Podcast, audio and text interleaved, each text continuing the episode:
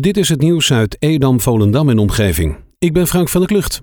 Bij een steekpartij aan het Noordeinde in Monnikendam is vrijdagavond de uitbater van thuisrestaurant Nang Nuang gewond geraakt.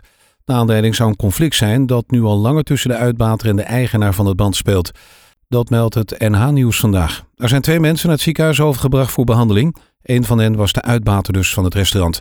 Wie de andere man is en wat zijn rol in de conflict is, is nog niet duidelijk. De politie doet daar onderzoek naar. Op de A7 richting Zaandam is zaterdagavond ter hoogte van Zuidoost-Beemster een motorrijder zwaar gewond geraakt. Dat gebeurde bij een aanrijding met een vrachtwagen. Na het ongeluk werd de snelweg tijdelijk afgesloten om ruimte te maken voor de traumahelikopter. Het slachtoffer is naar het ziekenhuis gebracht. Over de oorzaak van het ongeluk is nog niets bekend. Volgens het Noord-Hollands Dagblad heeft de motorrijder mogelijk tegen het verkeer ingereden.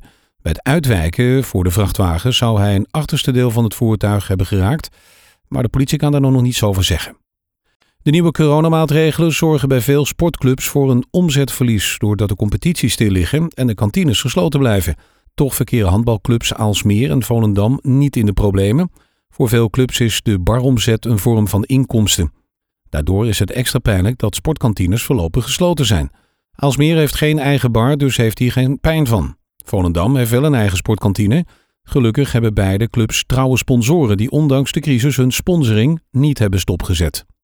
De Gerrit van Heemskerkstraat in Oosthuis is de hoogte van nummer 16 vanaf vandaag tot en met 23 oktober afgesloten voor rioolwerkzaamheden. Alle woningen blijven tijdens de werkzaamheden wel bereikbaar.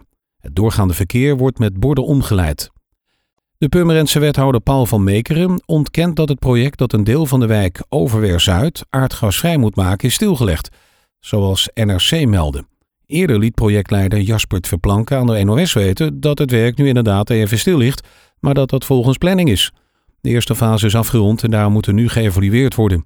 Omdat een relatief groot deel van de opgeleverde nieuwbouwwoningen in Purmerend aardgasvrij is, werd de gemeente aangewezen om te experimenteren met het aardgasvrij maken van wijken die dat nog niet zijn. Vanaf vandaag gaat scholierenlijn 614 Volendam-Edam-Horen vaker rijden. Er wordt veel gebruik gemaakt van de scholierenlijn en de bussen worden steeds drukker. Daarom komen er nu extra ritten bij. De eerste rit gaat om 7 over half 8 vanaf Edam busstation naar Horen. En om 5 over half 3 en 5 over half 4 gaan de extra bussen vanuit Horen weer terug naar Edam. Het aantal coronabesmettingen dat er dagelijks bijkomt in Zaanstreek-Waterland blijft toenemen. Zondagmiddag stond het totaal op 157 hoger dan een dag eerder. Er zijn nu 4.478 inwoners besmet, zo blijkt uit dagcijfers van het RIVM. Voor Edam-Volendam ging het totaal tussen zaterdagmiddag en zondagmiddag met 29 omhoog. Purmerend noteerde in 24 uur tijd 28 nieuwe besmettingen. Bij een aanrijding tussen een motorrijder en een auto aan de burgemeester Kooimanweg in Purmerend is de motorrijder gewond geraakt. Het ongeval gebeurde zaterdagmiddag al, rond kwart over vier. De motorrijder kwam na een botsing met de auto hard ten val. De man is per ambulance overgebracht naar het ziekenhuis. Door het ongeluk kwam brandstof van de motor op het wegdek terecht. Een bergingsbedrijf heeft dat ook opgeruimd. FC Volendam treedt vanavond na de met 5-1 gewonnen wedstrijd tegen Jong PSV aan tegen Jong AZ.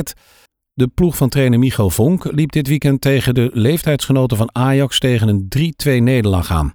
Jong AZ is de competitie wisselend begonnen. Hoogtepunten was de monsteroverwinning tegen de Graafschap. De Alkmaarders wisten met 7-3 te winnen. Vanaf die winstpartij bleven de Noord-Hollands drie wedstrijden zonder overwinning. FC Volendam en Jong AZ speelden zes keer tegen elkaar. De Volendamse ploeg kwam daarin nooit als verliezende partij uit de strijd. Drie keer werd er gewonnen en drie keer werd er gelijk gespeeld. Tot zover het nieuws uit Edam, Volendam en omgeving. Meer lokaal nieuws vindt u op de Love Kabelkrant, onze website of in de app.